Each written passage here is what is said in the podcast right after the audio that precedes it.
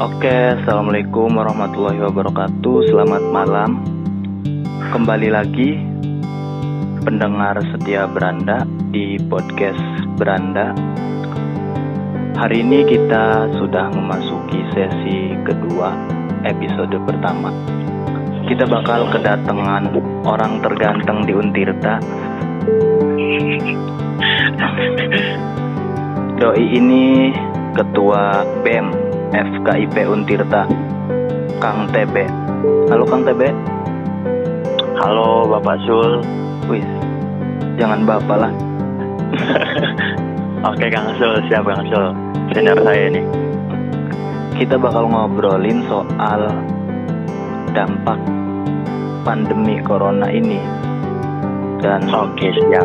Serba-serbinya gitu. Yang TB tahu aja yang TB alami sendiri dan secara kan hari ini pasti TB ngerasain dampak itu luar biasa banget ya.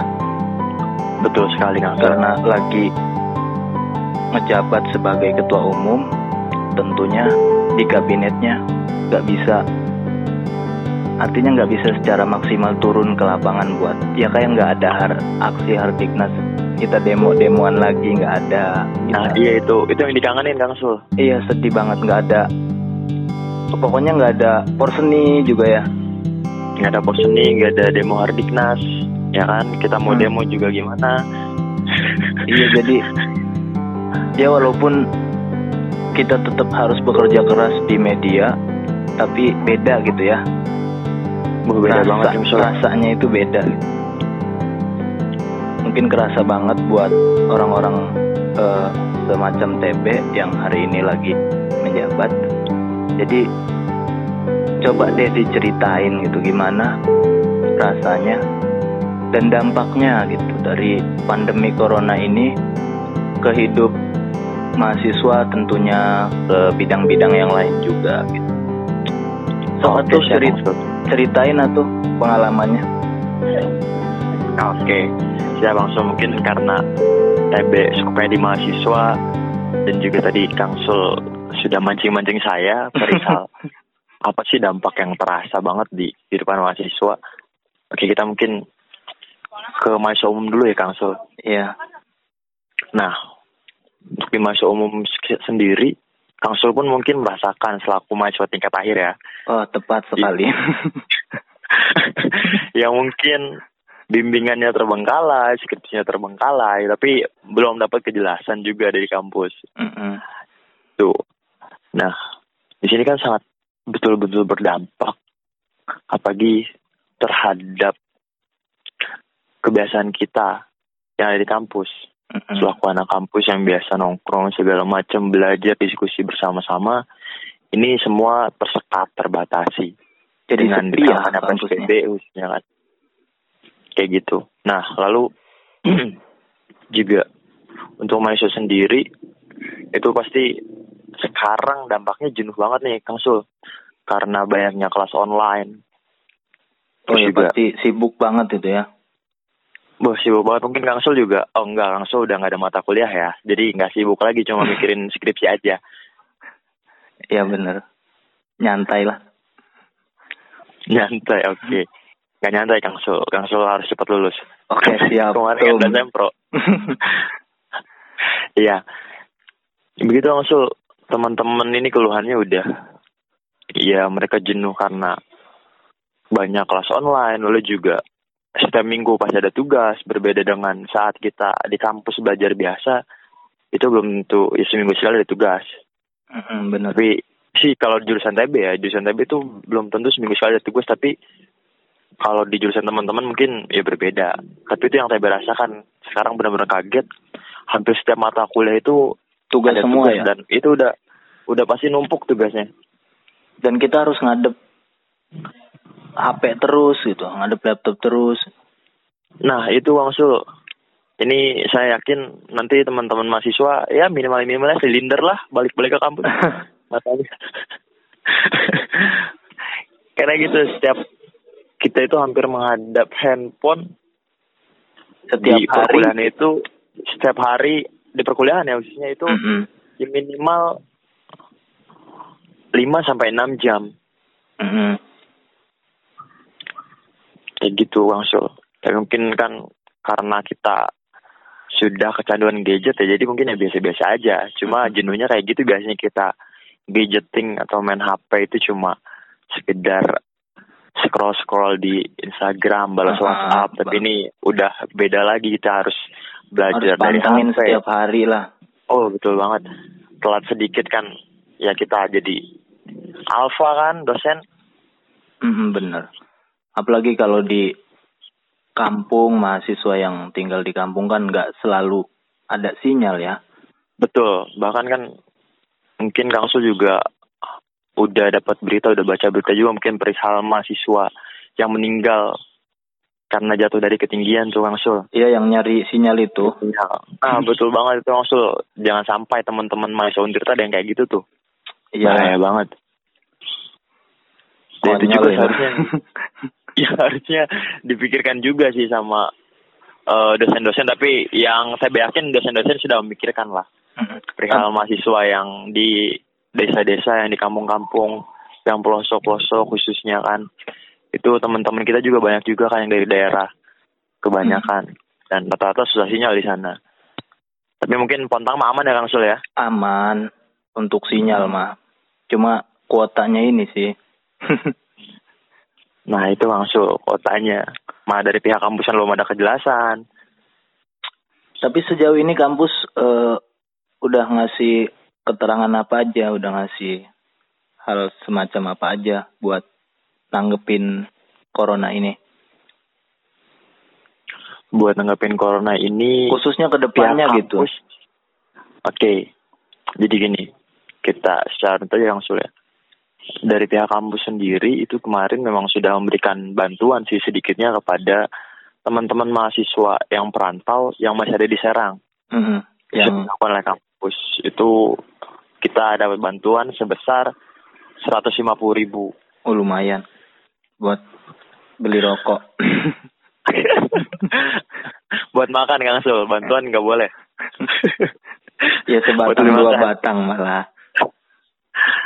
Nah lalu yang kedua yang Kang Sul pun tahu, kita selaku mahasiswa itu diberikan subsidi Kuota. eh kuota. Ya subsidi pulsa pulsa untuk pulsa sebesar lima ribu. Nah akan tetapi yang jadi perdebatan di sini yaitu mekanismenya Hmm. dan juga mungkin besarannya ya Kang Sul. Kalau kita lihat-lihat sehari itu kalau dari perhitungan yang udah teman-teman BEM lakukan sehari itu kita minimal habis kuota itu 2 giga Mhm. itu untuk di Google Meet atau di Zoom dan belum lagi misalkan harus upload video ke YouTube itu biasanya 2 giga atau 2,5 giga satu hari kita habiskan Banyak ya. banyak banget yang Sul. Itu juga yang memberatkan ke teman-teman mahasiswa. Dan kita udah survei di beberapa provider, itu minimal satu bulan itu mahasiswa 125 ribu menghabiskan uang untuk membeli kuota 125 ribu. 125 ribu. Akan tapi dari pihak rektorat sendiri cuma kan kemampuannya mereka bilang hanya 50 ribu. Kayak Hmm. gitu. Hanya 50 ribu akan tapi di sini dipertanyakan lagi kalau kemampuannya hanya 50 ribu kenapa tidak direalisasikan langsung? Akan tapi malah jadi potongan UKT itu yang Yang jadi kontroversial permasalahan gitu ya. buat teman-teman. Ya betul Hmm. sekali. Karena kita jujur aja. Mahasiswa yang UKT-nya besar gitu kan. Misalkan yang 4 juta 700, 4 juta 500 sampai ada yang 7 juta itu kalau dipotong 150 ribu ya apa rasanya gitu kan. Mhm. padahal yang kita butuhkan sekarang ini ya subsidi kuota Mhm. langsung bukan malah jatuhnya kepada pemotongan UKT kayak gitu Kang Sul. Mhm. jadi itu pun ya jadi kontroversial di teman-teman bahkan ya jadi omongan. Bukan cuma di pihak Ormawa ya tapi juga seluruh mahasiswa Untirta ini. Udah bukan udah bukan omongan Ormawa lagi. Mhm. semua mahasiswa mengeluhkan itu. Terhadap besaran pun kecil. Ya minimal kan kemarin kita mendorong itu 100 sampai 150 ribu. Akan tapi jadinya cuma segitu karena alasannya itu sesuai kemampuan Untirta. Itu sih. Kalau Iya. hasil advokasi akhir. Terus juga ada lagi untuk semester akhir khususnya tapi ini belum keluar juga SK-nya itu untuk mendorong teman-teman khususnya para pimpinan gitu tuh mendorong untuk semester akhir itu digratiskan UKT-nya khususnya Wah. yang sedang mengontak skripsi Wah, benar itu. Tepat. Gitu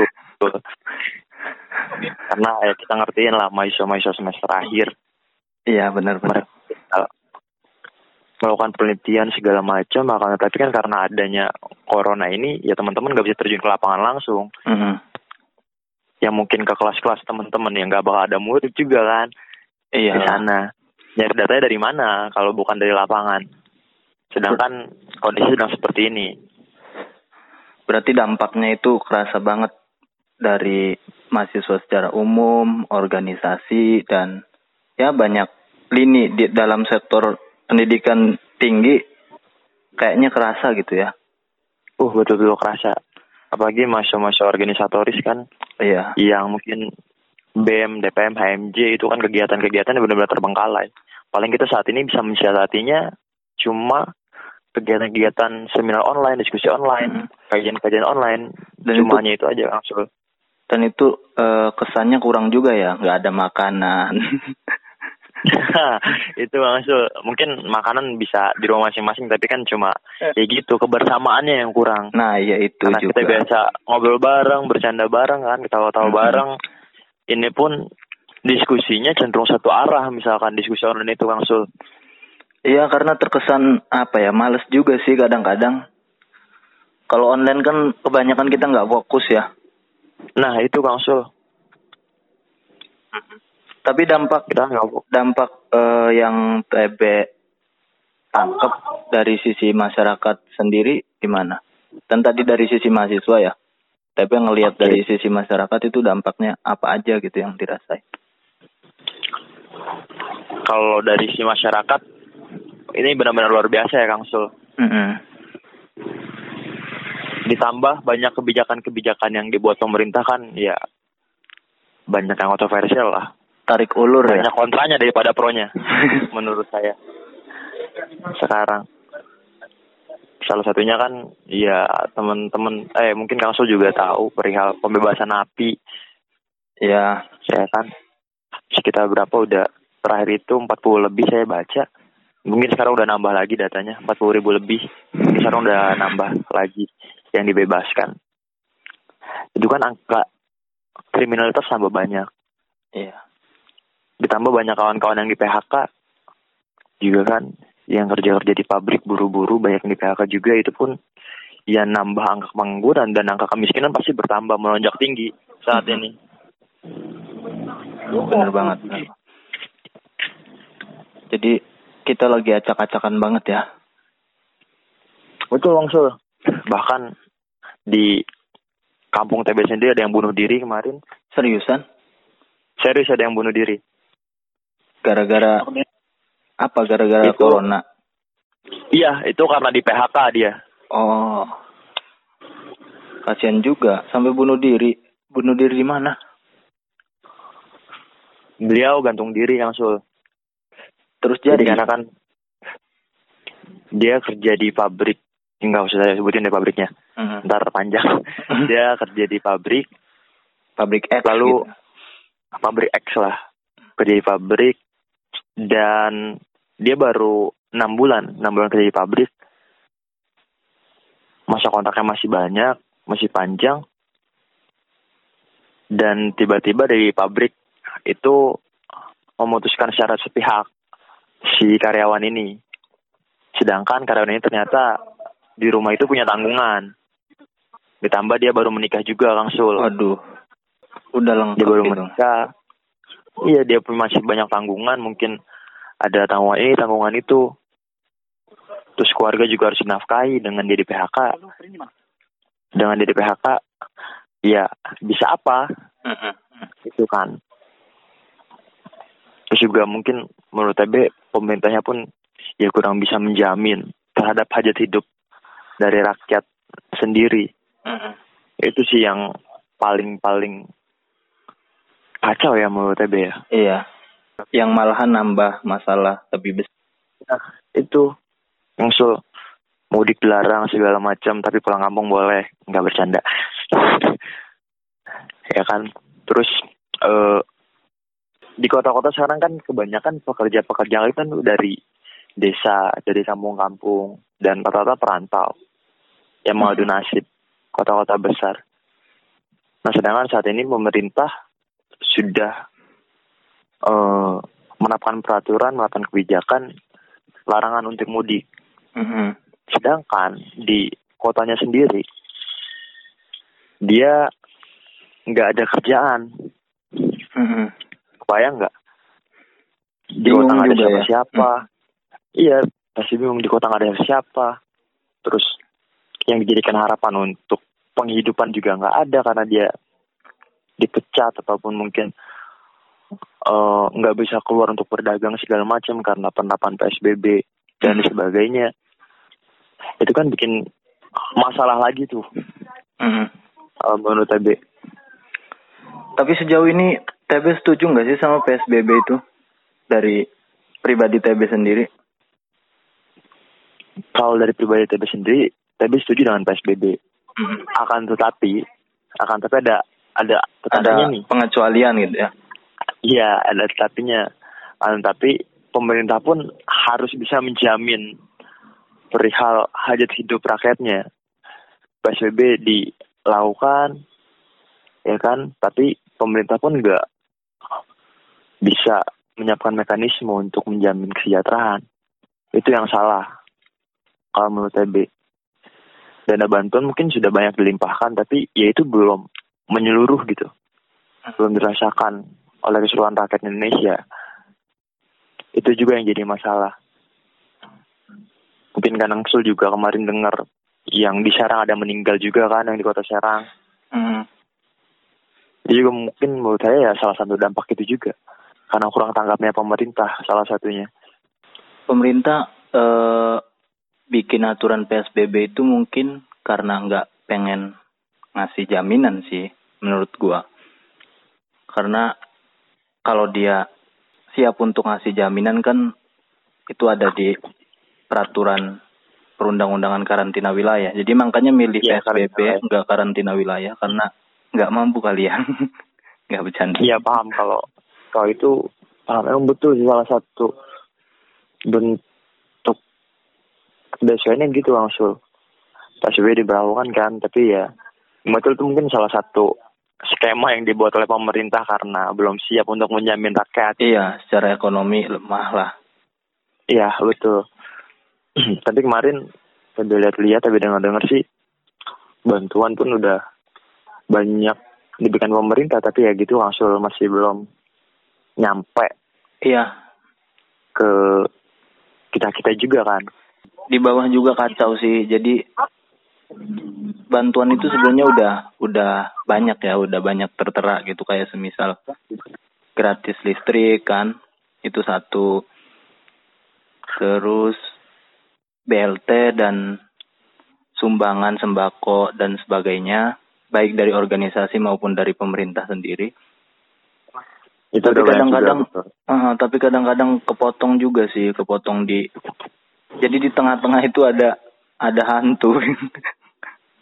nah itu Kang Sul memang di TB pun kemarin juga ada temuan Kang Sul Mm-mm. Gimana gimana? perihal itu Eh, di mana si orang yang menyalurkan ini malah itu sendiri dia Ya dimakan sendiri. diri. Nah itu padahal bantuan ini buat yang membutuhkan pendataan seharusnya juga secara merata tapi ini yang terdekat terdekatnya dulu nih Mm. yang dikasih. Ada KKN lah istilahnya di dalamnya. Sumbangan poin itu kemanusiaan lagi. Masih aja kan digituin. Ya barangkali itu itu kali alasan beberapa alasan yang bikin kacau juga. Jadi dari pihak gua nggak ngebelain pemerintahnya jadi dari pihak pemerintahnya sendiri bingung gitu ketika ngasih uh, bantuan bantuan tersebut nggak turun ke bawah gitu Dan kali ya Menurut tadi gini juga sih. Mm, Ya gimana langsung pemerintah pun harus memberikan transparansi terkait bantuan yang diberikan kepada masyarakat juga sebenarnya. jadi nggak besaran dan peruntukannya, mekanismenya seperti apa. Ini kan Hmm. ya rakyat di bawah ini kan kebingungan nih. Ya kan apalagi yang di kampung-kampung gitu, yang mohon maaf juga agak terbelakang terkait informasi. iya benar Itu juga yang jadi kendala, yang jadi masalah. Harusnya ya pemerintah bisa melakukan penjaringan secara masif dan menyeluruh lah Hmm. Tebe. dan harusnya sih ada mekanisme yang baik pada pemberian sumbangan ini. Mungkin Hmm. apa di Kangsul udah ada sumbangan dari pemerintah? Oh belum ada dalam sendiri baru baru listrik sih. Itu juga listrik kita eh, bantuin masukin tokennya terus kita bantuin buat sosialisasinya. Soalnya kalau nggak dikasih tahu ternyata masyarakat itu nggak ada yang tahu kalau ada gratis listrik. Ada BL listrik, betul betul. BLT juga ya mereka nggak tahu. Jadi ngiranya ya pemerintah sendiri yang nggak ngasih apa-apa ya cuma mungkin karena transparansi itu sih yang kurang koordinasinya kurang masif gitulah Nah itu Kangsul. Hmm. Jadi kan ya kita juga harusnya dari pemerintah baik secara regional maupun nasional itu sudah ada kos-kos dana yang dikucurkan ke kampung Hmm. ini berapa, kampung ini berapa, ke kecamatan ini berapa, provinsi ini berapa. Hmm. Itu mungkin kalau kayak gitu bisa lebih kelihatan juga pemerintah memberikan bantuannya. Mm-mm. apalagi sekarang kan pemerintah lagi konflik intern nih menurut TB Hmm. menteri ini nggak sesuai sama menteri ini menteri yang ini nggak sesuai juga punya menteri ini itu kan jadi masalah juga tuh Iya, iya. Terus eh, buat TB sendiri sih, kira-kira langkah apa sih gitu yang seharusnya diambil ya? Jadi dalam pandangan TB sendiri seharusnya seperti apa sih gitu? terkait solusi ya Mm-mm. Asul Mm-mm. kalau ngomongin corona mungkin bakal Panjang ya. panjang lah Mm. terkait solusi ini Bakal benar-benar panjang karena setiap solusi maupun masukan itu pasti ada pro dan kontra Iya, pasti. itu sekali lagi sudah banyak ahli-ahli yang ngasih solusi ngasih masukan segala macam ya pada akhirnya bakal timbul perdebatan. Iya. kan timbul pro dan kontra. Kalau dari TB sendiri sih untuk corona ini ya bukan memberikan solusi sih ya tapi TB cuma ingin mungkin bukan solusi ya solusi sekali lagi ini cuma keresahan hati TB aja. Mm. pemerintah ini bisa menjamin keberlangsungan dari rakyat. Itu aja karena apa? Karena banyak banget pendapatan-pendapatan. Banyak banget sumber-sumber penghidupan dari rakyat dari masyarakat itu benar-benar tertutup. Mm. karena adanya corona ini. Dampak atau impactnya itu benar-benar besar. Mm-mm. apalagi juga di gadang-gadang Indonesia bakal krisis lagi kan? Iya. ya, krisis pangan apalagi seharusnya kita sudah jadi negara yang berdaulat atas pangannya. Ah, tapi ini ada ada gunjang ganjing. Kita itu bakal krisis pangan itu pun yang dikhawatirkan. Tapi Jadi- dengan banyak data-data yang sudah ada gitu ya nah sehingga kalau dari tadi sih pengennya pemerintah ini memberikan pekerjaan juga kepada rakyat solusinya memberikan pekerjaan pada rakyat yang di mana rakyat ini bisa mengerjakan pekerjaannya di rumah masing-masing.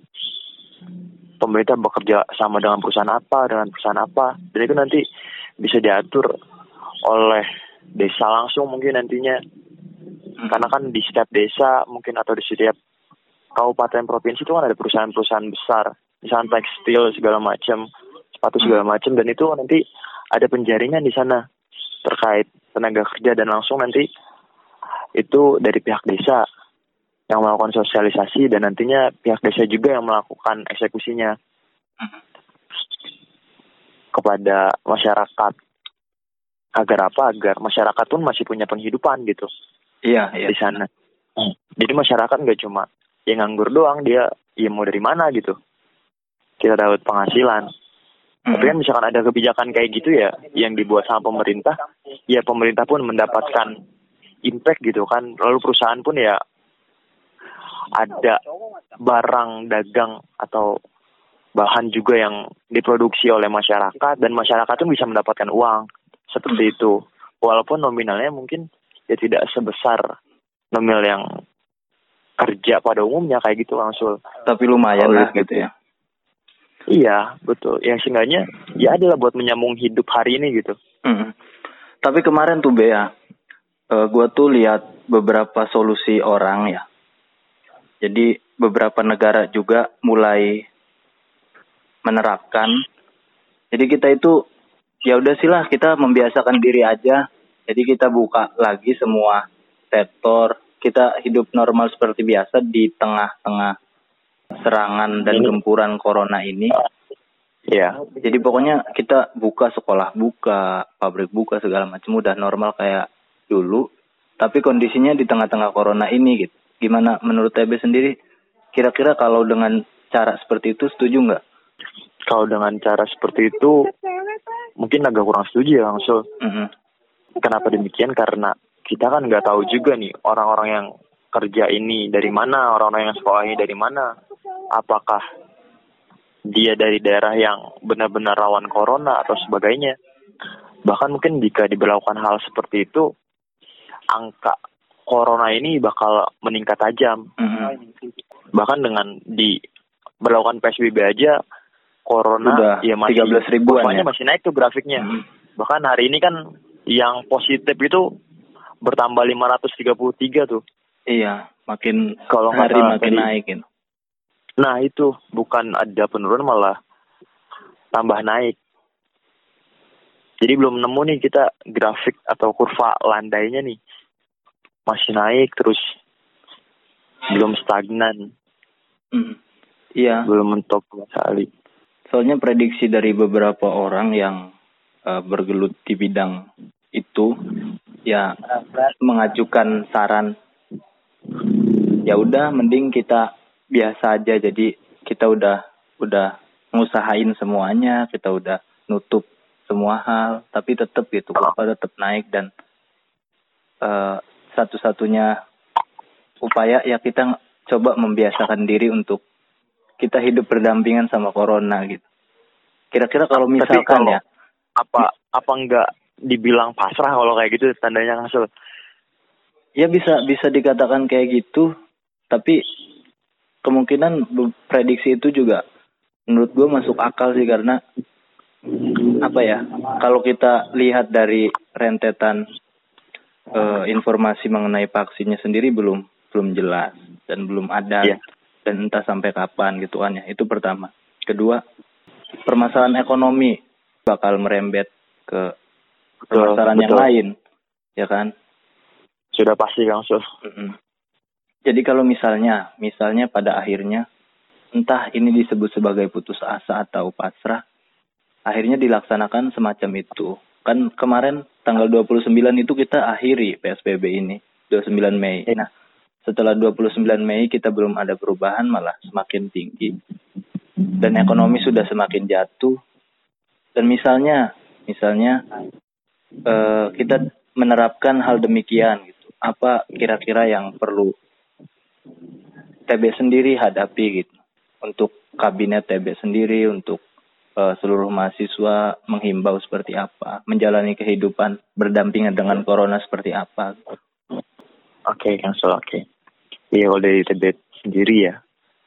Untuk pertama mungkin untuk diri pribadi TB. Heeh. Ya, pasti untuk selalu menjaga kebersihan lebih. Untuk menjaga juga social distancing mungkin ya itu harus, tapi ya enggak untuk membatasi juga Mari kita untuk satu rame itu. Lalu juga untuk kabinet TB pastinya ya mereka pasti ingin cepat berakhir dampak ini pandemi ini. Tapi satu hal yang kita bisa sedihkan sekarang sih yang so Mm-mm. kita nggak bisa bareng-bareng lagi kita nggak bisa sama-sama lagi bisa kegiatan capek. Sama-sama ini ya dari rumah buat ini itu dari rumah. Paling kita bisa buat quote-quote semangat segala macam video-video semangat itu itu aja. Mm. itu pun jadi kesedihan yang mendalam menurut Tabit. Hmm. Di saat teman-teman sedang semangat-semangat dalam organisasi, di saat teman-teman sedang semangat-semangat dalam belajar, ya semua harus terpaksa di stop secara tidak langsung Mm-mm.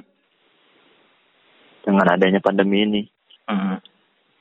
Kalau kita membiasakan diri, Kalau kita membiasakan diri, kalau menurut TB itu bisa diberlakukan ya Sul.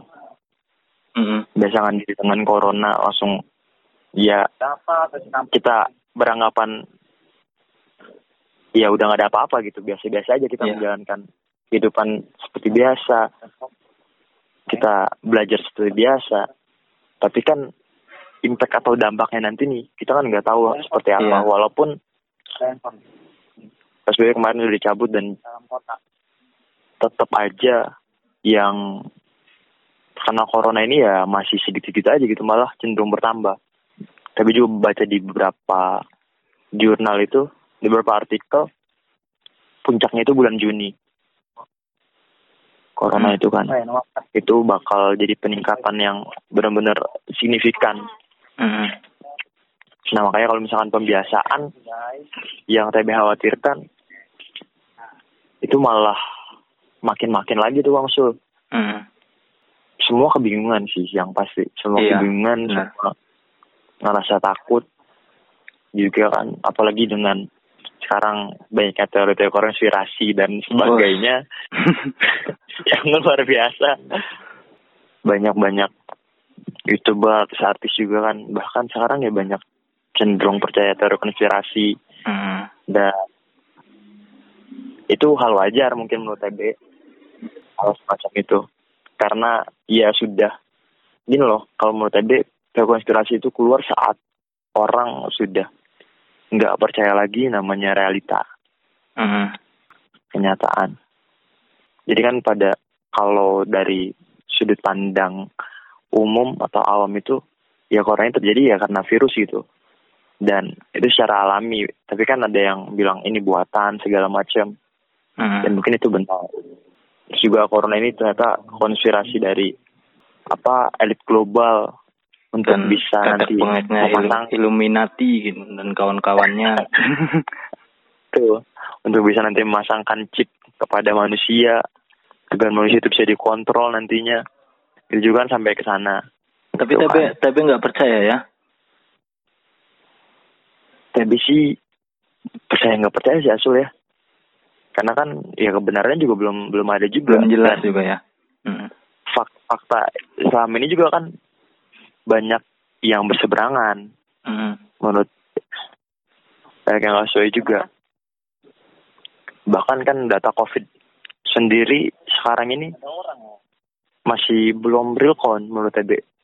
Iya, masih banyak yang dalam tanda petik disembunyikan gitu ya. Nah itu langsung kita kan nggak tahu nih jumlah pastinya di Indonesia berapa. Apalagi kan dengan penyebaran yang sangat luar biasa kan COVID itu. Mm. Kita nggak tahu. Apalagi orang-orang kayak kita nih, pemuda-pemuda gini kan bisa aja dia orang tanpa gejala kan. Kita kan sistem imunnya masih kuat, terlihat biasa-biasa aja, tapi ternyata kita udah terpapar. Iya, awas Suharmin tuh. Kita kita bawa-bawa ke rumah kan. Virus itu kita nggak tahu juga. Mm-mm. Makanya ya mau sampai kapan pun dan di berbagai negara mana pun, ya angka pasti itu nggak bakal ada sih kalau menurut saya Kang Sul. Hmm.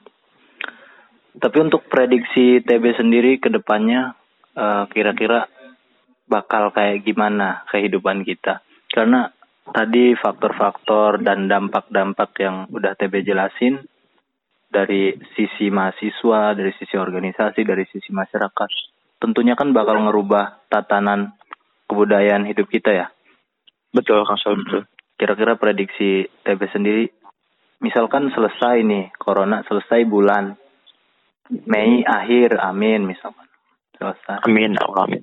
Nah itu bakal, kita itu bakal kayak gimana siapa kita kayak orang baru keluar dari rumah, wah ngelihat indahnya dunia gitu atau kayak gimana? Ya, kalau dari saya pribadi sih mungkin ya, saat nanti corona usai dan dinyatakan menang Indonesia atas corona, Hmm. itu ya bakal banyak keseruan dan sukacita menurut TB Kang Sul. Hmm. Kita bisa kumpul-kumpul lagi, ngobrol bareng.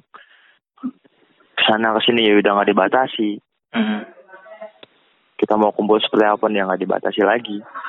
Hmm. Pasti bakal ada sukacita dan menurut TB dampak yang paling berubah itu sekarang kan ya orang-orang udah nggak kaku lagi dengan internet kebanyakan. Yang TB lihat orang-orang udah nggak kaku lagi dengan namanya gadget namanya sistem-sistem pertemuan yang online. Itu sudah udah nggak kaku lagi nggak nggak kayak dulu sistem pembelajaran daring pun ya itu udah luar biasa gitu menurut TB dan itu pasti bakal berubah Jadi bakal melek internet gitu ya? dah itu langsung kita bakal lebih bagus lagi dalam menggunakan internet segala macam bakal lebih kepiawaannya bakal lebih meningkat lagi menurut TB Hmm. gaptek itu ya mungkin saran-saran nih bakal berkurang dengan pesat Hmm. itu juga ada dampak positifnya lalu juga ini alhamdulillah juga mungkin langsung merasakan udara yang kita hirup lebih segar sekarang Iya. Udara Terus suryanya itu lebih segar. udara surya Enggak, di sini saya lagi filter Kang Sul. Oh filter, ya tuh biasa kan filter TB mah. Itu langsung. Dan mungkin nanti saat corona usai, tadi tapi mau nanya Kang Sul dulu nih. Oh nanya apa nih? Saat pertama kali corona usai, Kang Sul mau apa? Mau nemuin doi? Oke, nemuin doi. Siap. Enggak Orang bercanda. mana Kang Sul? Orang enggak, mana enggak, Kang Sul? enggak, enggak, udah enggak usah dibahas, enggak usah dibahas.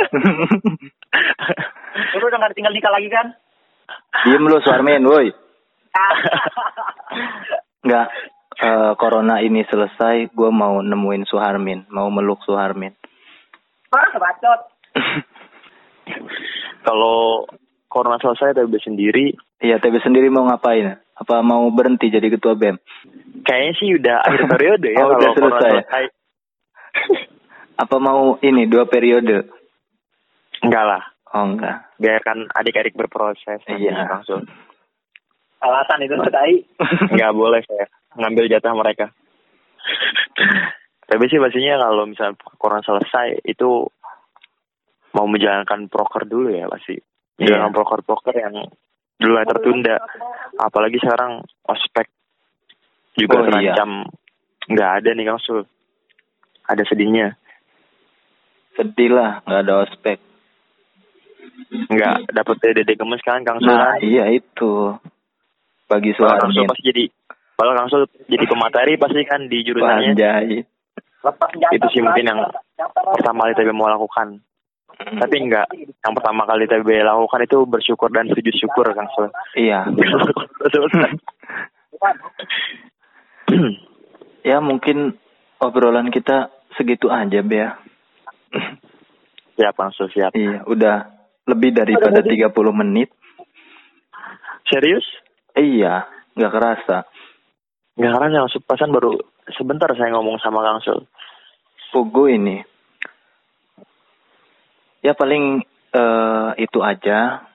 Terima kasih banyak ini TB untuk Kang Sul, TB yang terima kasih banyak. pengalamannya, Udah untuk tanya-tanya. ceritanya, untuk sharing-sharingnya. Jangan lupa dengerin nanti di Spotify. Oke? Oke, siap. Nah, Apa namanya Kang Sul? Beranda. Beranda. Baiklah. Ya, mau Besok penut- ya Kang Sul di iya besok ya, tayang ya? tayang minggu besok. Oke nanti dipromosikan juga Kang Sul. Nah, terima kasih. Biar pendengarnya tambah banyak. Oke, mau penutup dulu nih ya. Oke siap Kang Sul. Thank you very much. Ya, terima kasih Kang TB Hidayatullah Yang mana aku tahu. Untuk semua pengalamannya, sharingnya di Beranda Podcast. Jangan lupa follow Beranda Instagramnya dan nanti akan ada informasi-informasi lain yang lebih menarik di episode selanjutnya. Tayang setiap hari Minggu di Spotify, di Anchor, di seluruh platform. Oke, terima kasih Kang TB. Assalamualaikum. Waalaikumsalam warahmatullahi wabarakatuh.